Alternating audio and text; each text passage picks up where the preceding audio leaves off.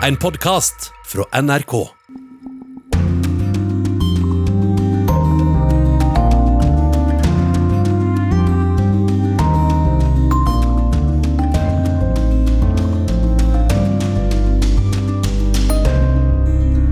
Skjer om ikke EU blir enige om hvordan de skal fordele den rekordstore krisepakken på 8000 milliarder kroner for å demme opp etter koronakrisen? Intense møter i Brussel akkurat nå. I USA pågår det en het debatt om man skal åpne skolene til høsten igjen, til tross for koronapandemien. Vitenskapen får ikke stå i veien, skolen skal åpnes, sier presidenten. I Frankrike steker sola. Men folk kan se langt etter å kjøle ned føttene i fontenene. De er stengt pga. frykt for koronasmitte. Og bli med til haremet i Tokai-palasset i Istanbul på 1500-tallet, der sultanens familieliv fungerte slik. Haremet forsynte herskeren med kvinner som skulle føde arvinger til riket. Disse kvinnene var stort sett kidnappet fra kristne familier, og det ble sultanens personlige slaver, elegant kledt opp i silkekjoler og med de vakreste smykker. Så skal vi til en fantastisk vakker landsby i Østerrike med knappe 800 innbyggere og vanligvis én million turister, men ikke i år. Og så blir det gjenhør med Toms afrikanske historier om en missekonkurranse i Nigeria som får uante konsekvenser. Velkommen til Urix på lørdag med Anja Strønen i studio.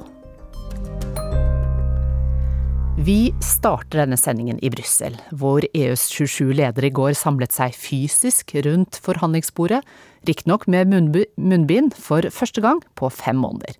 De skal diskutere en krisepakke på 8000 milliarder kroner og et langtidsbudsjett.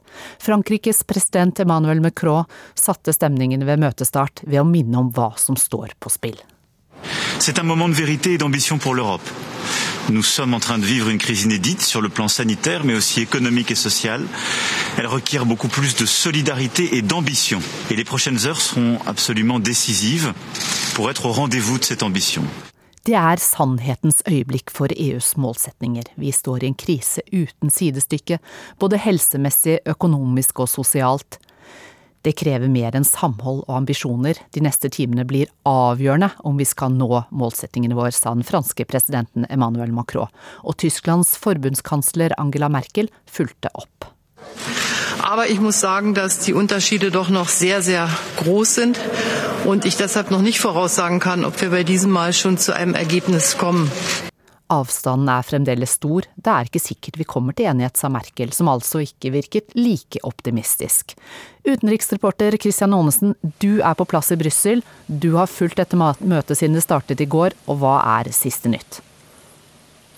Ja, De startet nå, for, nå klokken 11 for noen minutter siden. og Det første verten Charles Michel gjorde, var å kalle inn til et lite frokostmøte med Merkel og Macron, som vi hørte her.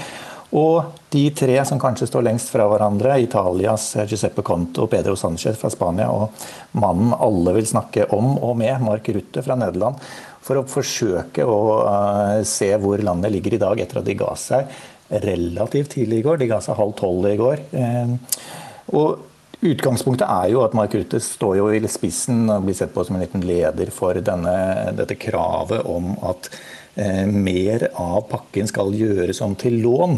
Eh, og Der har han jo støtte fra våre naboland i Sverige, og Danmark og Finland, men også Østerrike, som, som eh, mener at spesielt Italia og, og, Spania ikke har god nok økonomisk kontroll til at de skal ta på seg at, at de skal ta, få dette som lån og ikke bevilgninger. Ja, og disse pengene det forhandles om, det er jo helt enorme summer. Altså 750 milliarder euro, eller 8 8000 milliarder norske kroner. Bare for å gi et bilde, så er det til sammenligning norske oljefondet har en verdi på ca. 10 000 milliarder kroner. Så enormt mye penger det er snakk om. Og så går altså diskusjonen om hvor mye av pengene som skal tildeles i lån, og hvor mye som skal være direkte støtte. Hvorfor er disse her skillelinjene så, så harde? Nei, det eh, Rutte og hans eh, meningsfeller mener, er at de ønsker ikke å betale eh, på andres gjeld.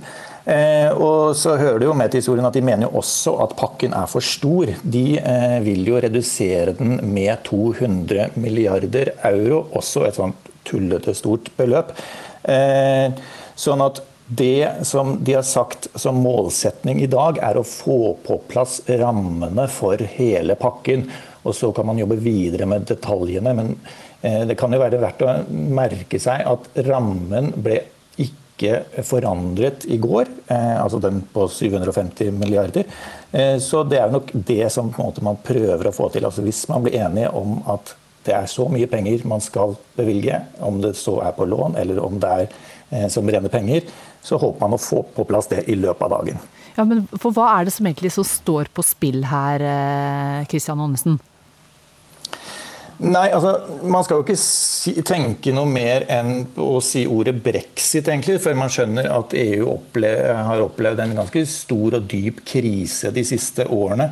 Og uh, Macron og Merkel, som står litt i spissen for uh, denne pakken her, jeg frykter jo at rett og slett hvis ikke de klarer å løse dette, så vil det øke, til, eh, øke misnøyen mot EU. At det vil bli en større splittelse. Eh, Så det er EUs de fremtid? Å, ikke sant. Ja. At de ønsker å fremstå som samlet og solidarisk med eh, landet som er hardt rammet. Hva skjer om de ikke blir enige på dette møtet? Nei, Det kom jo allerede i går eh, noen rykter om at de planlegger å finne en ny dato for når et nytt møte kan, eller når de kan fortsette med forhandlingene. Så man skal jo ikke være overrasket av at hvis de enden av dagen i dag finner ut at Hm, om et par uker igjen så blir det et nytt møte her i Brussel. Men politikere er politikere. Plutselig er de enige og vender igjen. Så nå kan egentlig det meste skje i løpet av dagen. Det er godt du er der og følger med. Vi hører sikkert mer fra deg utover dagen. Takk skal du ha, Christian Aansen med fra Brussel.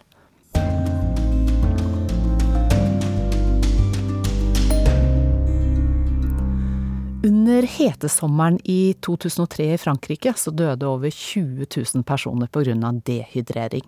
Nå steker sola igjen, men steder til å avkjøle varme kropper kan man se langt etter denne sommeren. For å hindre koronasmitte så er fontenene tørre, og eldre oppfordres til å holde seg hjemme. Doktor lui toujours faut boire, faut boire, faut boire. 85-åriga pensionären Jacqueline klagar på att sambon Alain inte dricker tillräckligt fastän doktorn uppmanar alla äldre att dricka, dricka och dricka så kroppen inte torkar ut.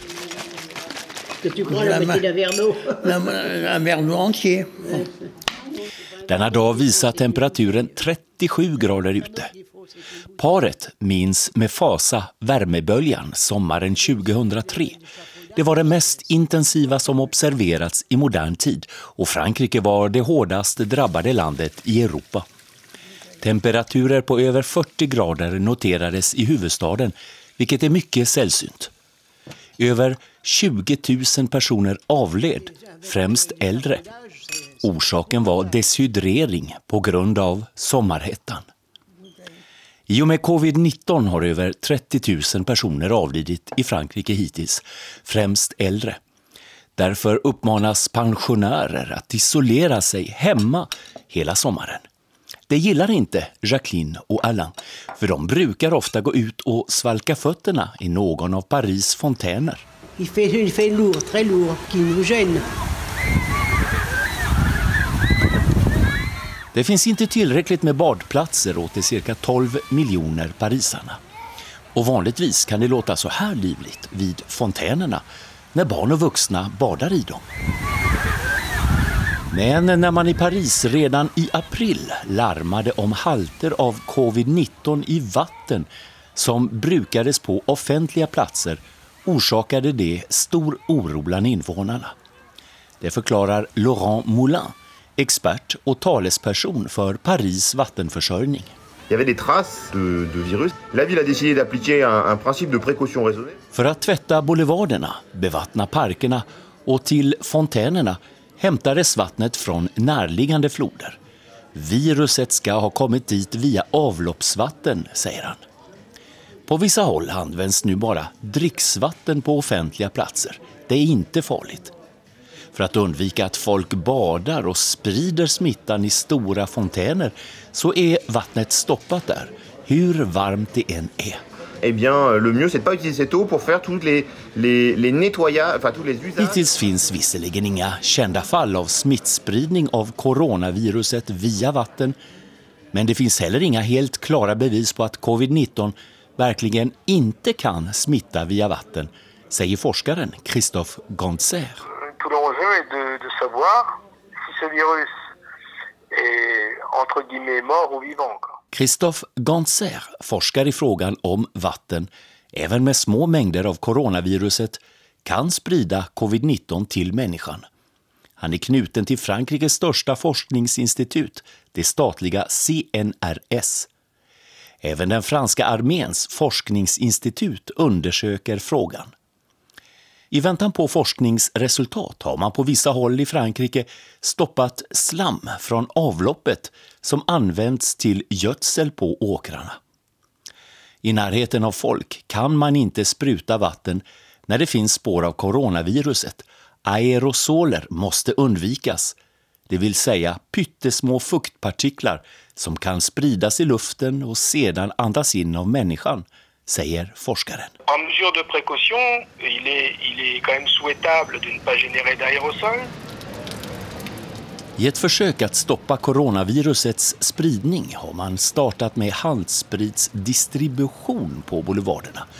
Det rör seg om en en meter høy stolpe som distribuerer handsprit gratis. Og man setter nu også opp små vannkraner på boulevarderna. Dels för sommarhettan och dels för hygienen. Bra för att motverka coronan, tycker studenten Pauline som vaskar händerna i kranen. Bah, je pense det c'est une bonne idée là. Pourquoi bah, Pour le corona. Ja, jag får väl ta och smaka lite av detta vattnet ur fontänen själv då. Jo då, det är gott.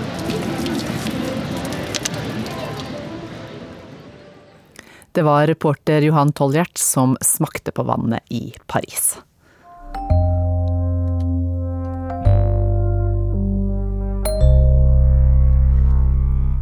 I USA tviler ledelsen ved mange skoler på at de vil gjenåpne til høsten pga. koronapandemien. Ifølge Center for Disease Control er 6,4% av alle smittede i USA barn under 18 år, det vil si om lag 228 000 mindreårige. Men president Donald Trump han er klar på hva han ønsker. We have to open the schools. We have to get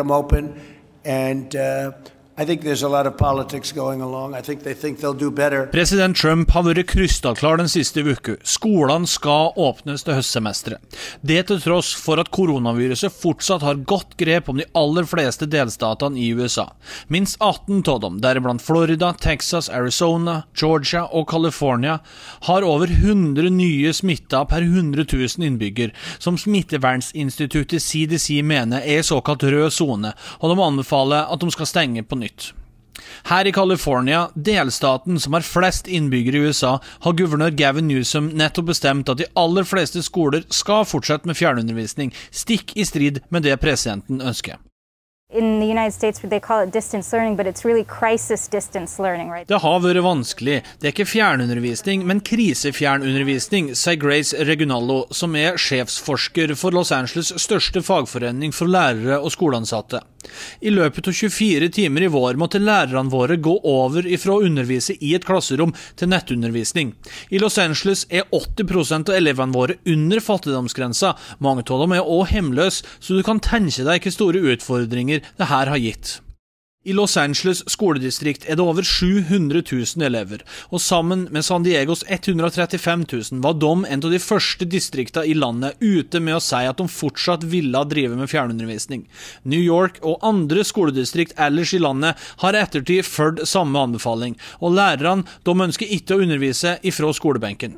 I have anywhere from 37 students to 42. I have seats for 31. Jeg har alltid fra 37 til 42 elever i hver klasse. Sitteplasser til 31. Setene er tett i tett i tett i tett, litt over 40 cm imellom hver. Det her er ikke trygt. Vi vet fortsatt ikke langtidseffektene for koronaviruset ennå. Det sier Tove Sobel, som er kjemilærer på videregående skole nord i Los Angeles. Hun mener det er helt riktig å undervise hjemmefra, sjøl om hun helst vil møte elevene sine hver dag. There's nothing in the data that suggests that kids being in school is in any way dangerous. Utdanningsminister Betzy DeVos sier at det ikke er farlig for unger å være på skolen, og at de ikke vil bli smitta så ofte som voksne gjør. President Trump uttalte via Twitter i forrige uke, der han skrev at i Tyskland, Danmark, Norge, Sverige og mange andre land, der har skolene åpna uten noen problem. Men det er demokratene som ønsker skoler stengt for å ikke tape valget. Kritikken har ikke venta på seg. What he was tweeting about today on schools, and look, uh, this is getting a little old. School reopenings are a state decision. Period. Vi begynner å bli lei. Det er delstatene som bestemmer når skolene skal åpne igjen, ikke presidenten. Det sier populære guvernør Andrew Cuomo fra New York. Det er grunnloven som sier at det er delstatene og ikke presidenten som har myndighet til å bestemme det her. Og det er nå det som skjer.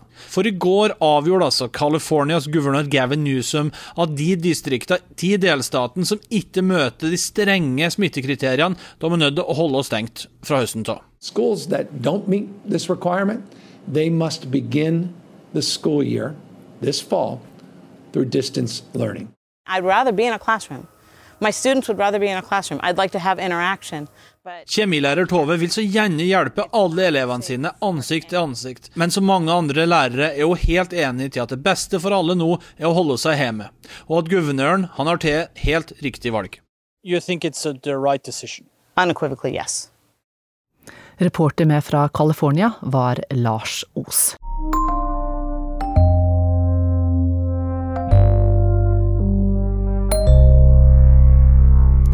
Fra California skal vi til Østerrike, for se for deg en pittoresk liten landsby som klorer seg fast ved klippene langs et vann i Østerrike, med de nydeligste gamle trehus, knappe 800 innbyggere og én million turister på besøk i løpet av en kort sesong. Slik har det vært i Hallstatt, etter at ikke minst kineserne oppdaget landsbyen på Instagram, men nå er det blitt stille.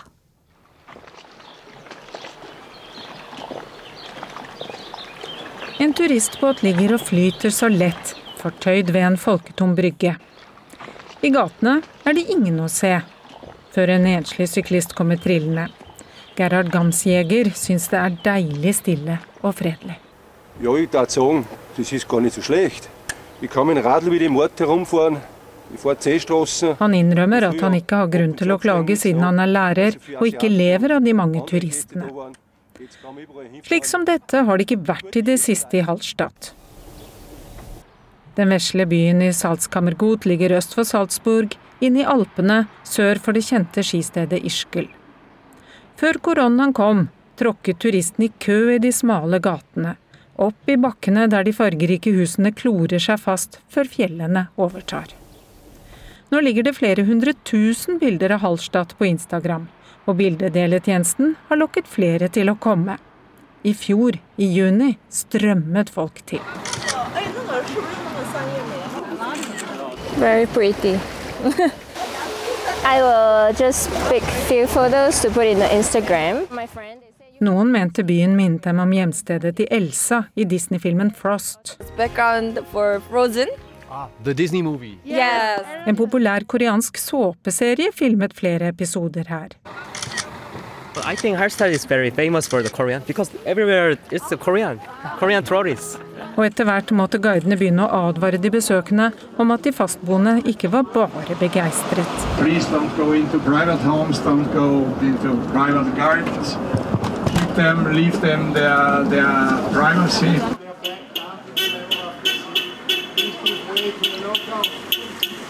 Vi lever hier, weißt du?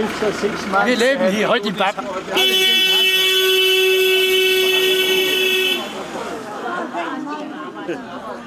That is the very friendly locals. For some of those, the tourism business here is too much. Og innimellom har nok de tilreisende tatt seg vel mye til rette.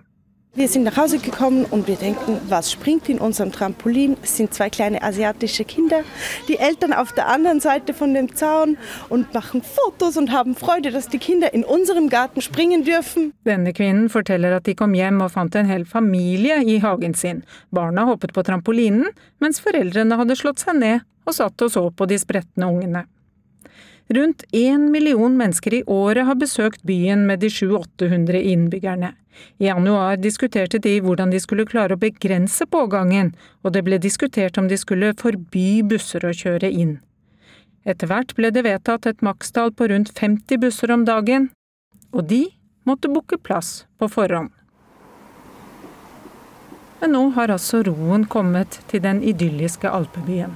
Seit, seit 1960 immer im Sommer war Saison und dann war Winter Ruhepause und dann Sommer ist wieder los. Her har det vært turister siden 1960. Det var alltid folksomt, sier Mathilde Prader til østerriksk TV. Hun sier hun savner de besøkende, for nå har hun ingen å snakke med. Også andre syns det har blitt bare så altfor stille. Thomas Piltz hadde nettopp åpnet et lite hotell. Ich bin gerade dabei, dass ein kleines Hotel. Han forteller at de har vært avhengig av gjester fra Asia, men tror ikke de kommer tilbake med det første. Også ordføreren i Hallstatt er bekymret. Aber es sind auch sehr viele, die jetzt schon beginnen zu überlegen, wie geht es mit mir weiter, wie geht es mit meiner Familie weiter, meinem Betrieb weiter, mit meinen For mens noen nyter stillheten, er det mange som uroer seg for forretningen sin, om hva som kommer til å skje med den, og med de folkene de er ansatt, sier ordfører Alexander Scheutz. Nå satser turistnæringen i byen på at besøk fra landsmenn og andre europeere skal gi litt klingende mynt i en slunken kasse. Men Scheutz sier de må innstille seg på at det vil ta tid før det blir like mye liv i gatene i Hallstatt igjen. Also ich denke schon, dass es lange dauern wird, aber wir hoffen schon, dass es wieder nach oben geht. Vi håper det går bedre, ble det sagt her, og reporter var Marit Kolberg.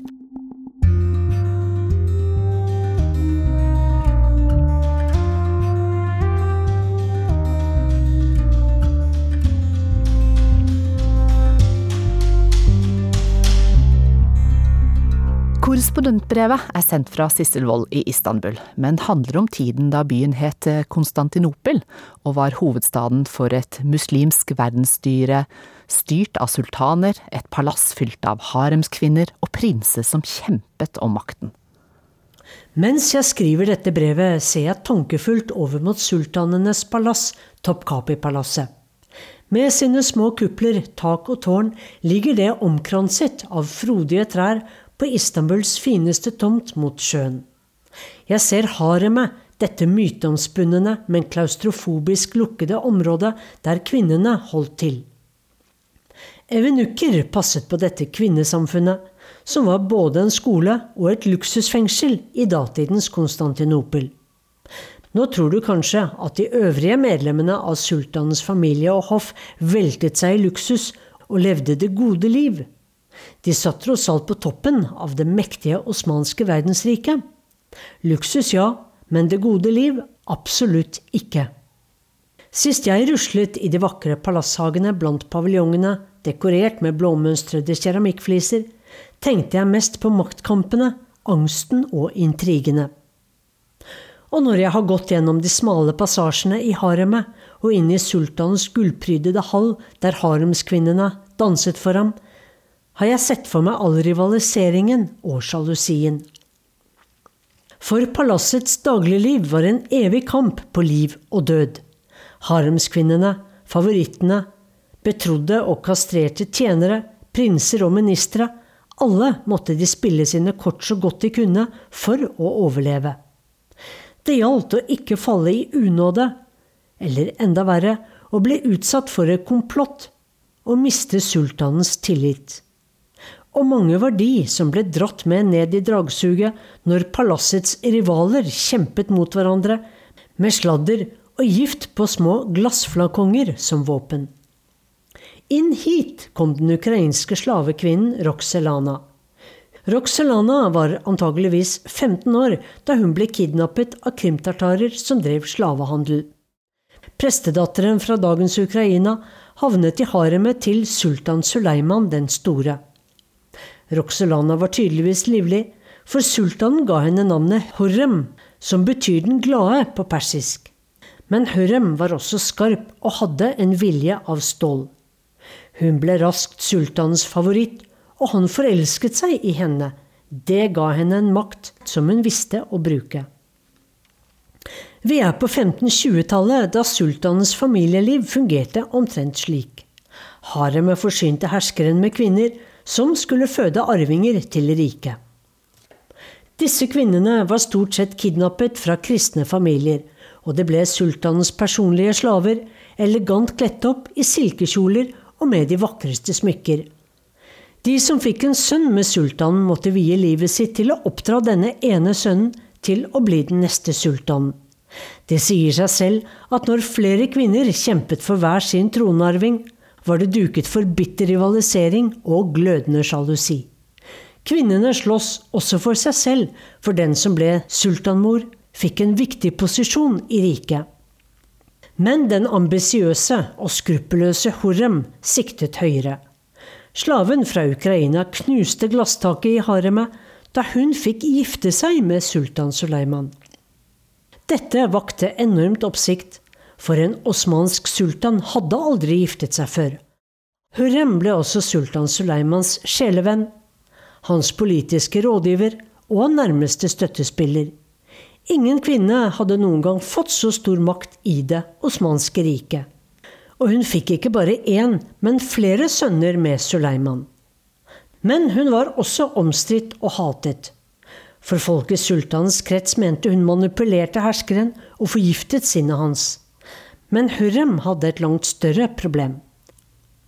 Sultan Suleiman hadde nemlig en sønn fra før, Mustafa. Prins Mustafa var sønn av sultanens første favoritt, Mahid Evran, og han var enormt populær ute blant folket, og ikke minst hos soldatene i hæren. Alle så de håpefullt på Mustafa som den kommende sultanen, en hersker som hadde arvet sin fars beste egenskaper. Men om Mustafa ble sultan, måtte Horems fire sønner dø.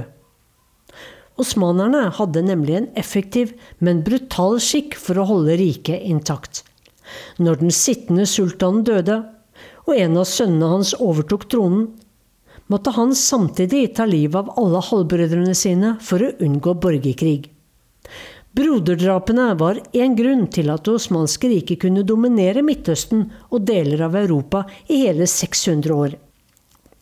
Det var sultan Mehmed 2., han som erobret Konstantinopel og Aya Sofia, som innførte tradisjonen Kardesh Katliame på tyrkisk, som betyr brodermassakre. Loven til sultan Mehmed lød slik. Det er påkrevet av den av mine sønner som arver riket, å drepe sine brødre for å opprettholde verdensordenen. Den 28. januar 1595 skulle bli Topkapi-palassets mørkeste døgn. Da Mehmed 3. kom til makten, drepte han 19 brødre. Sultanen brukte døvstumme tjenere til å utføre henrettelsene. Likvideringene ble gjort med buestrenger, slik at kongelig blod ikke skulle flyte. Det var altså en ære å bli drept med en buestreng fremfor å bli halshugget. Men det var en mager trøst for de stakkars unge prinsene hvis skjebne var å bli født av en av sultanens favoritter. De 19 prinsene er begravet ved siden av Aya Sofia. Jeg forsøker å ta inn over meg denne blodige natten for over 400 år siden, her jeg står og ser på 19 små og litt større grønne kisteformer med hvite turbaner på toppen. Turbanene viser at her hviler en sultansønn, en shesade. Det er et hjerteskjærende syn. Hvordan var livet for disse unge prinsene? Hvor gamle var de da de forsto at de måtte bli sultan og drepe sine egne brødre? Om de ikke selv skulle bli kvalt med en buestreng? Var de fem år? Eller åtte? Og da er vi tilbake hos Horem. Hun ville ha sine egne sønner på tronen. Men først måtte Mustafa dø. Gjennom allianser og bakvaskelser ble til slutt den aldrende sultanen overbevist om at Mustafa konspirerte mot ham. Faren ga ordre om at sønnen skulle henrettes.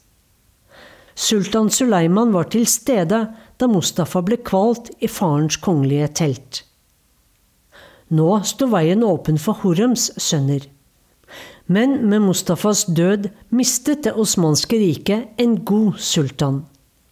Da Horems sønn Selim kom til makten, begynte det osmanske rikets fall. Selim den andre, som ble kalt Selim den blonde, og Selim den fulle, var en drukkenbolt og dessuten uinteressert i politikk.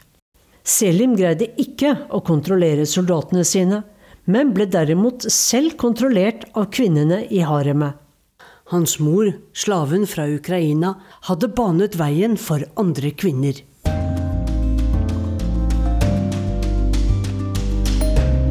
I sommer tar utenriksavdelingens podkast Krig og fred en liten pause, mens vi byr på en reprise av sesong to av Toms afrikanske fortellinger her i Urix på lørdag. Bli med til en missekonkurranse i Nigeria med uante konsekvenser. En podkast fra NRK. Hvem som helst kunne drepe denne 22 år gamle jenta i Nigeria.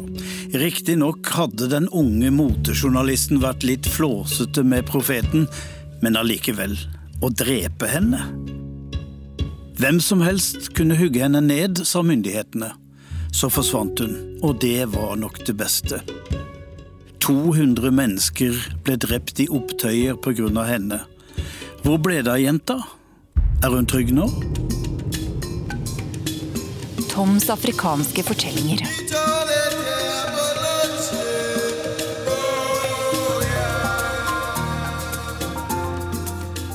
Jeg heter Tom Kristiansen og har jobbet i NRK i 40 år. Ofte på reise, særlig i Afrika.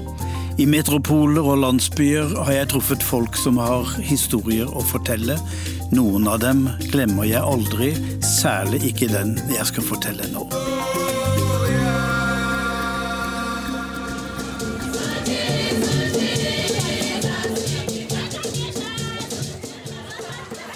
Når damer i Nigeria kler seg til fest, er det så du må holde deg fast. I brusende, fargerike kjoler som går helt ned til de høyhælte røde skoa. Og med flettede kreasjoner på hodet som få andre tør gå med. I 2002 fikk likevel de flotteste av dem konkurranse. 92 utenlandske skjønnheter fløy inn til hovedstaden Abuja og installerte seg på et luksushotell. De var alle finalister i Miss World-konkurransen. Året i forveien hadde Miss Nigeria vunnet. Nå skal missene samles i denne kunstige hovedstaden, bygget midt i landet med skyskrapere og motorveier. Abuja skal settes på verdenskartet, og fra Norge kommer Katrine Sørland men det er ramadan. Miss World midt i ramadan, muslimenes hellige måned med forsakelser så lenge sola er oppe. Nigerias nordlige del er overveiende muslimsk, sør er kristent, og Abuja ligger midt imellom. Konfliktene er mange i dette folkerike landet med 170 millioner innbyggere. En samling av 400 språkgrupper og tallrike folkegrupper.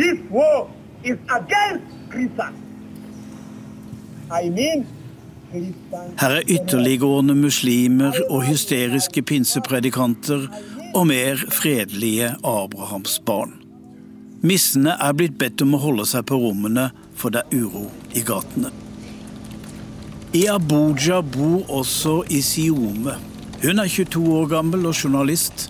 For tre måneder siden fikk hun jobb i den nye, friske avisa This Day som motejournalist. Året i forveien tok hun journalistutdannelse i London, sendt dit av en bemidlet far. For slik er Nigeria. De kristne i landet har overveiende bedre råd enn muslimene. Isioma tenkte ikke mye på det. Hun er ute på en jobb og skal skrive en artikkel om et barnehjem. Så ringer redaktøren og sier at hun må gjøre ferdig en annen reportasje som hun skrev forrige dagen, nettopp om missene og konflikten. Hun syns hele greia var overdrevet. Hvordan kan noen pene utenlandske damer på et hotell plage menn med store skjegg som ikke skal se dem i det hele tatt? Hun dro inn til redaksjonen og skrev de siste linjene, en innledning på forsiden. Hun smilte da hun skrev. Isioma ville være litt frekk og uvøren. Er det så farlig med noen misser, og hva ville profeten sagt? For sikkerhets skyld viste hun fram teksten til redaktøren. Han var opptatt med noe annet og lot øynene gli over skjermen, og sa ok. Så gikk Isioma hjem. Etter hvert tenkte hun på det hun hadde skrevet. Var det litt for drøyt? Det var som en klump i magen. Hun kunne dratt tilbake, men som nybegynner ville hun ikke lage for mye støy rundt seg selv. Så kom helgen, og hun tenkte ikke mer på saken.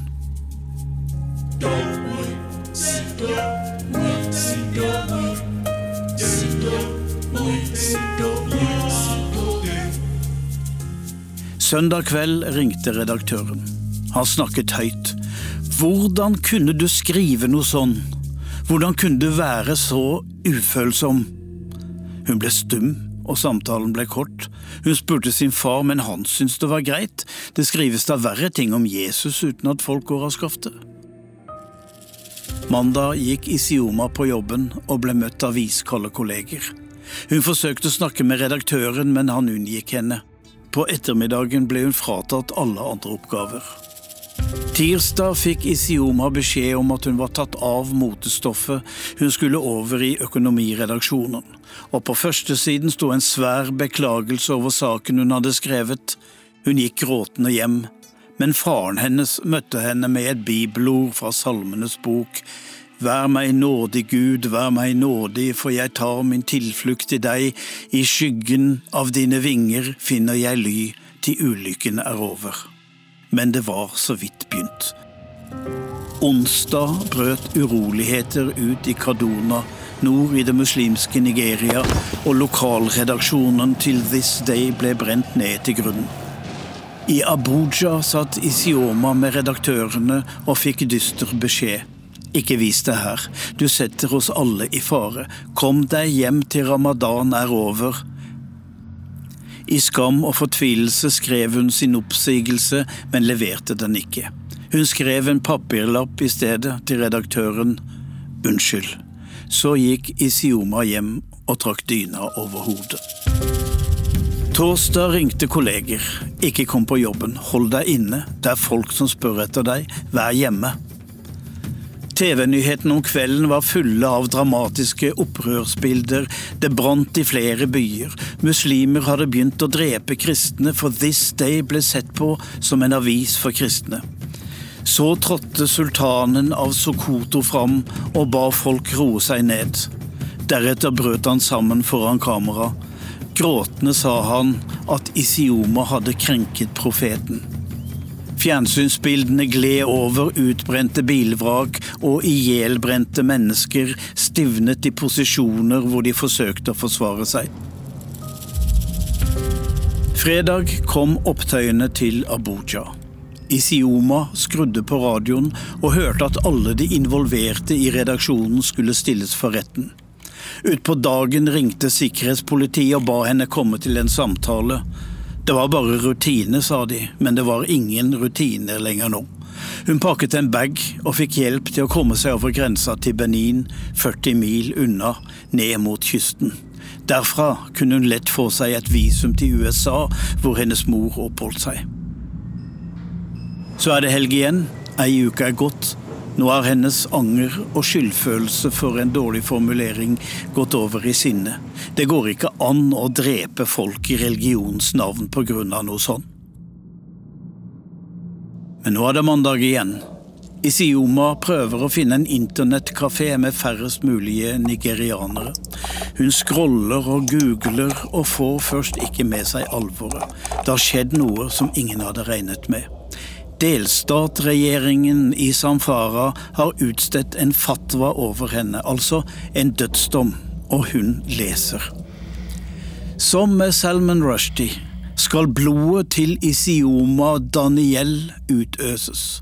Det påligger enhver muslim hvor enn han bor, å ta på seg den hellige plikt å drepe denne skribent. Isioma hadde pakket en bag skulle bare komme seg unna til det roet seg ned. Hun satt iskaldt og kalkulerte. Kan jeg aldri mer dra hjem?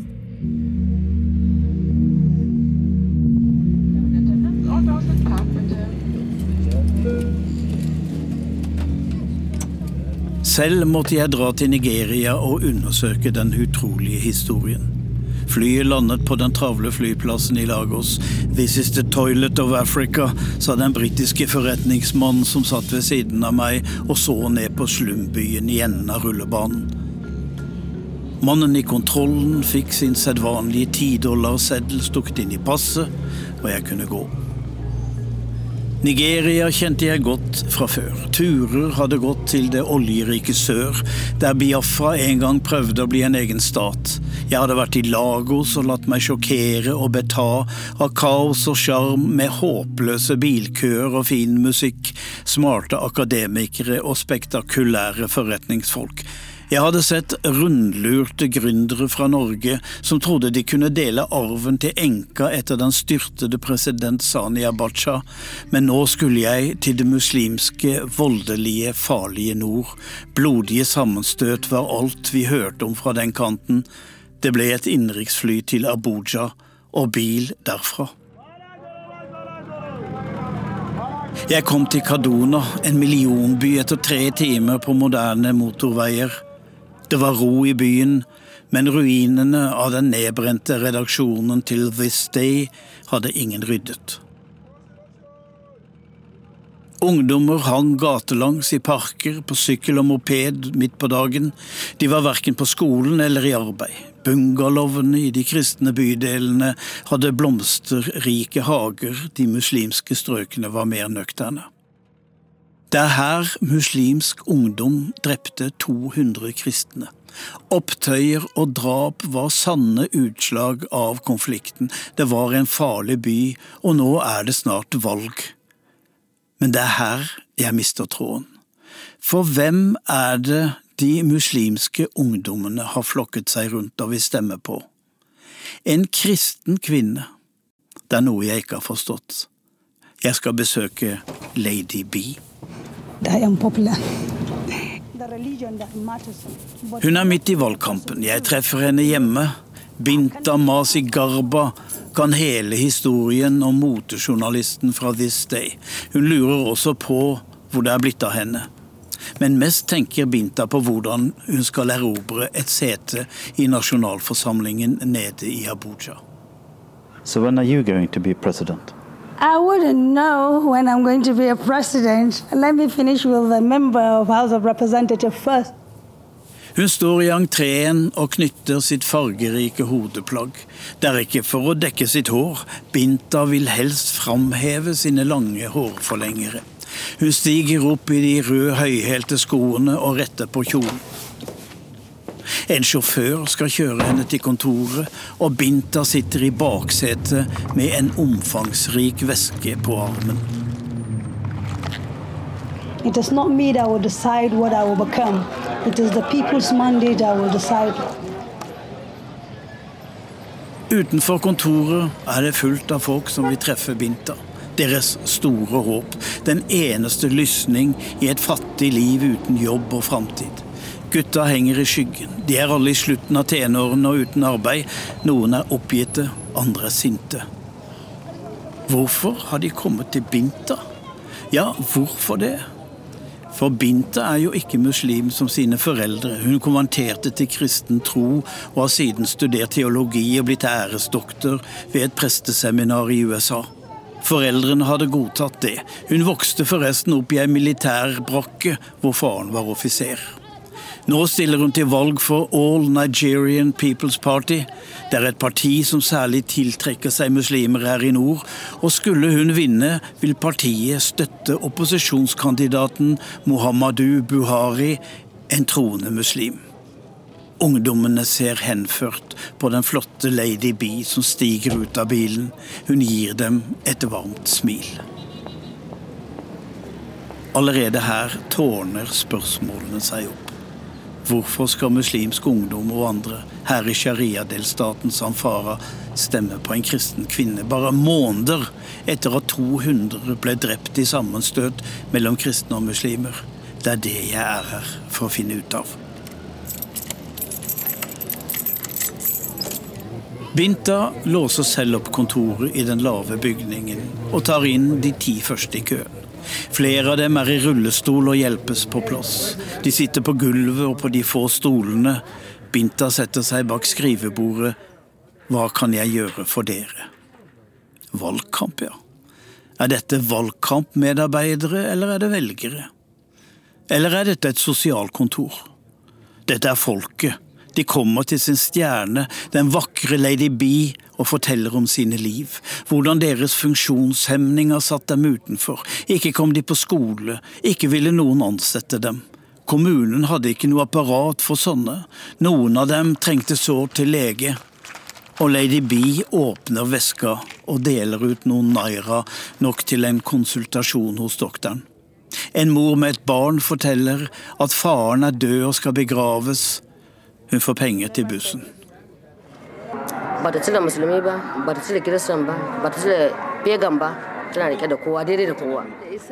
Den neste klager over kommunens tilbud for funksjonshemmede.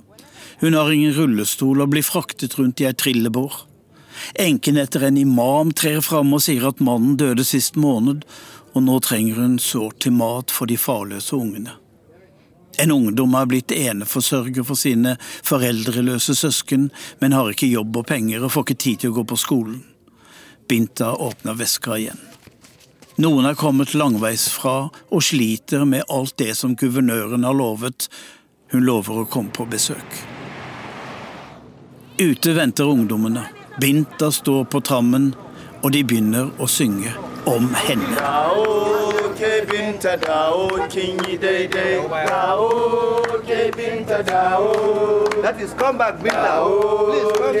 Det er laget viser om Lady B og alt hun gjør for folk. Det er henne de hyller med smil og dans, og hun danser med. Så holder hun en liten hilsen før nye velgere, klienter, kunder, venner, sørgende kan tre over dørstokken. Hun deler ut av egen lomme for å mikrofinansiere oppgaver det offentlige skulle ha skjøtt. Binta er godt gift og har penger, men jeg lurer på er dette korrupsjon? Kjøper hun seg stemmer? Ungdommene er ferdige med å synge, og jeg spør hvorfor de hyller en kristen kvinne. De er jo selv muslimer. Ja, men det er da enkelt. Det er Binta som stiller opp for dem. Whenever you ask Binta for anything, no.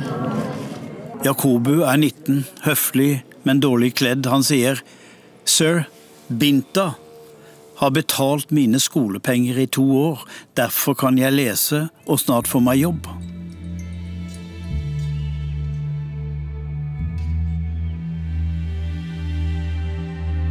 De er Bintas barn, den kristne frua som ungdommen tilber.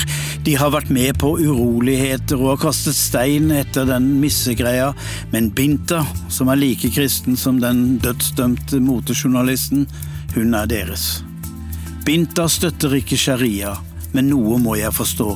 Rettssystemet her oppe var veldig korrupt. Folk med penger kunne kjøpe seg fri. Sharialoven ble innført for å rense opp. Sharia har regler for bankvesen, familieliv, kontraktsinngåelse, religion og mat. De strenge dommerne var ikke mottakelige for bestikkelser. Så må jeg minne Binta om at da denne loven kom for noen år siden, endte det i et blodbad hvor 3000 mennesker ble drept. Hoder rullet bortover fortauene, muslimer brente kirker og kristne svarte med å sette fyr på moskeer. Det begynte her i Kadona, men spredte seg sørover. 70 landsbyer ble satt fyr på, det var like ille i storbyen Jos, det er forresten en forkortelse for Jesus our Savior. Ja vel, men er ikke dette Gud mot Allah? Snarere tvert imot. Hun forteller meg om tabben britene gjorde i 1914. Kolonimakten forsto at det ikke var lurt å la misjonærene forkynne evangeliet blant muslimer i nord. De fikk heller misjonere lenger sør. Og med evangeliet kom også koloniherrenes rundhåndede donasjoner til skoler og klinikker. Folk fikk utdanning og jobber. De holdt seg friske og ble en overklasse. I nord var det bare det militære igjen, og muslimene. De kristne som siden har dratt nord, blir ikke herja med på grunn av Jesus, men på grunn av at de var bedre stilt. Folk fra sør har alltid dratt nordover for å handle, etter hvert ble det innført egne regler for innflytterne. Så blodet som flyter skyldes økonomisk urett og etniske forskjeller, som altså følger de religiøse skiller. Bintas foreldre er muslimer, og det er ikke vanskelig, for dette er ingen religiøs konflikt. I wouldn't say religion, but I would say political. It is not the religion that matters, but what will the person do to make our country or our constituency better? I dagene som kommer tar hun meg med på valgkamp. Det er fulle fotballstadioner og ildfulle taler. Kandidatene er kristne og muslimer. Tilhørerne tror på Gud eller profeten, men ingen kniver er å se. Ingen knyttnever, bare begeistring i byen hvor 200 i fjor ble drept av en setning om Mohammed på førstesida av dagsavisa This Day. Men hva var den setningen? I en kommentar om Miss World-finalen som skulle holdes i Abuja i 2002, og som endte med dødsdommen over hun som skrev den, Isioma Daniel, i den kommentaren som hun siden beklaget, skrev hun. Muslimene trodde det var umoralsk å få 92 kvinner til Nigeria for å fryde seg over sin egen forfengelighet. Hva ville Mohammed synes om det hele? Han ville vel tatt en av dem til sin kone?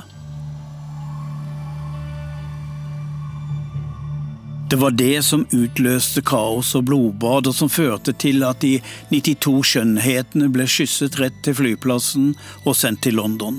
Der ble missekåringen holdt under improviserte forhold, og Katrine Sørland ble nummer fire. Men hva skjedde med Isioma Daniel? Hun satt i Benin City på internettkafeer og leste om det som skjedde hjemme. Etter hvert fikk hun hjelp.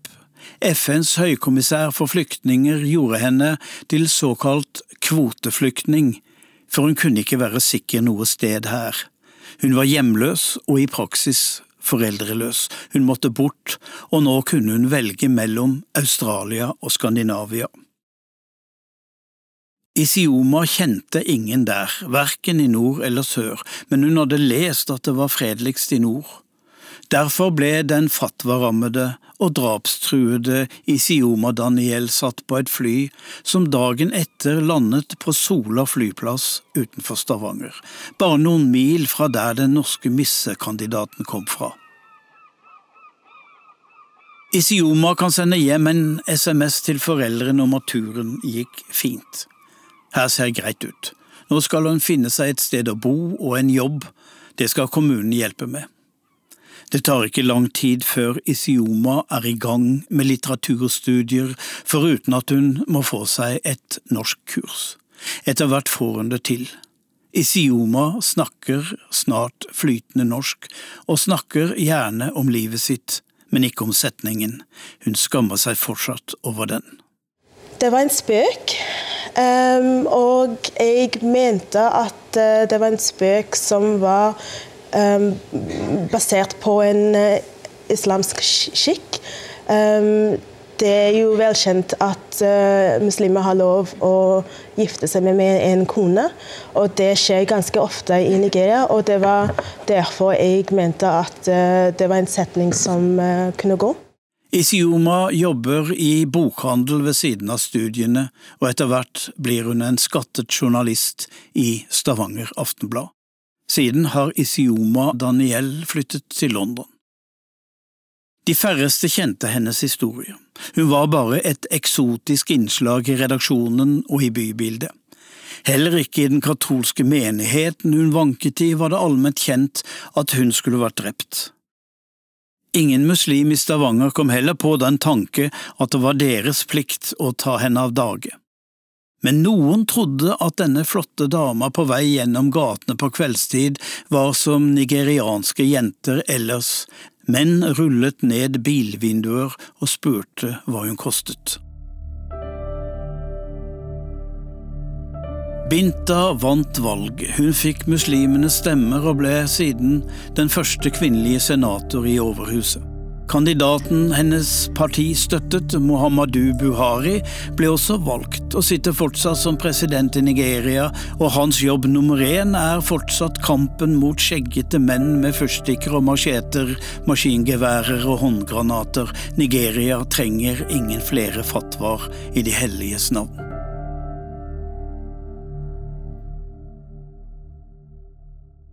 I London hjelper Isioma forretningsfolk som trenger å få orden på tanker og visjoner. Hun bruker alt hun har av journalistisk teft og kunnskap, litteraturstudienes innsikt til språket, og kanskje noen erfaringer med å leve et truet liv.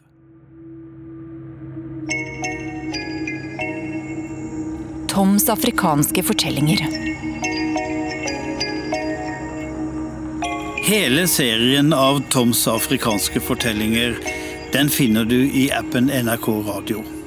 Eller der du ellers finner dine podkaster. Toms afrikanske fortellinger. Klipp og lyddesign var ved Lillian Grønning, og Marius Christiansen har laget musikken.